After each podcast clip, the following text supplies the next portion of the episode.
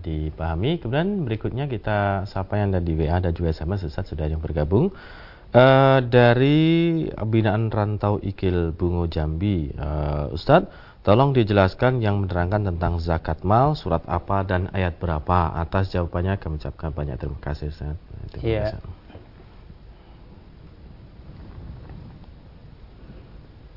Jadi saudaraku di rantau Ikil ya, jadi tentang zakat itu sudah sangat populer. Allah firmankan wa mimma razaqnahum yunfiqun. Dan sebagian apa dari yang Allah rezekikan maka keluarkan, infakkan.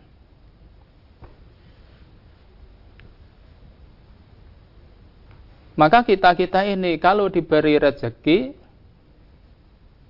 di situ ada mimma. Min itu kan harfu jar litab'id.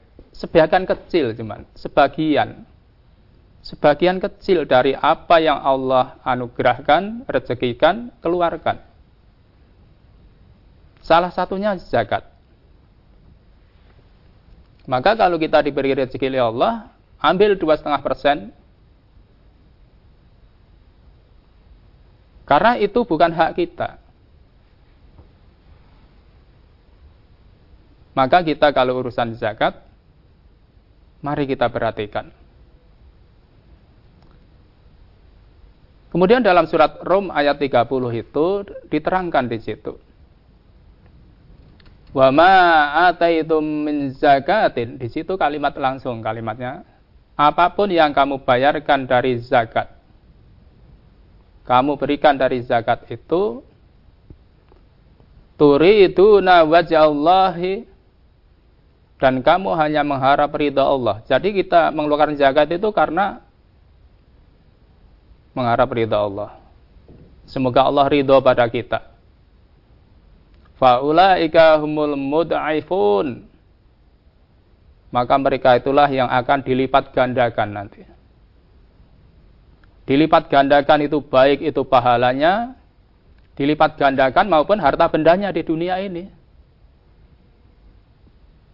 Itulah pentingnya kita perhatikan zakat. Maka kalau urusan zakat, mari kita perhatikan. Jangan sampai kita mengabaikan zakat karena zakat itu wajib. Maka zakat itu selalu digandingkan dengan sholat. Jadi zakat itu selalu digandengkan dengan sholat. Maka jangan sampai kita sebagai umat Islam mengabaikan zakat. Berarti kalau kita mengabaikan zakat, termasuk kita berarti tidak memperhatikan sholat kita. Begitu saudaraku, semoga bisa dipahami. Ya.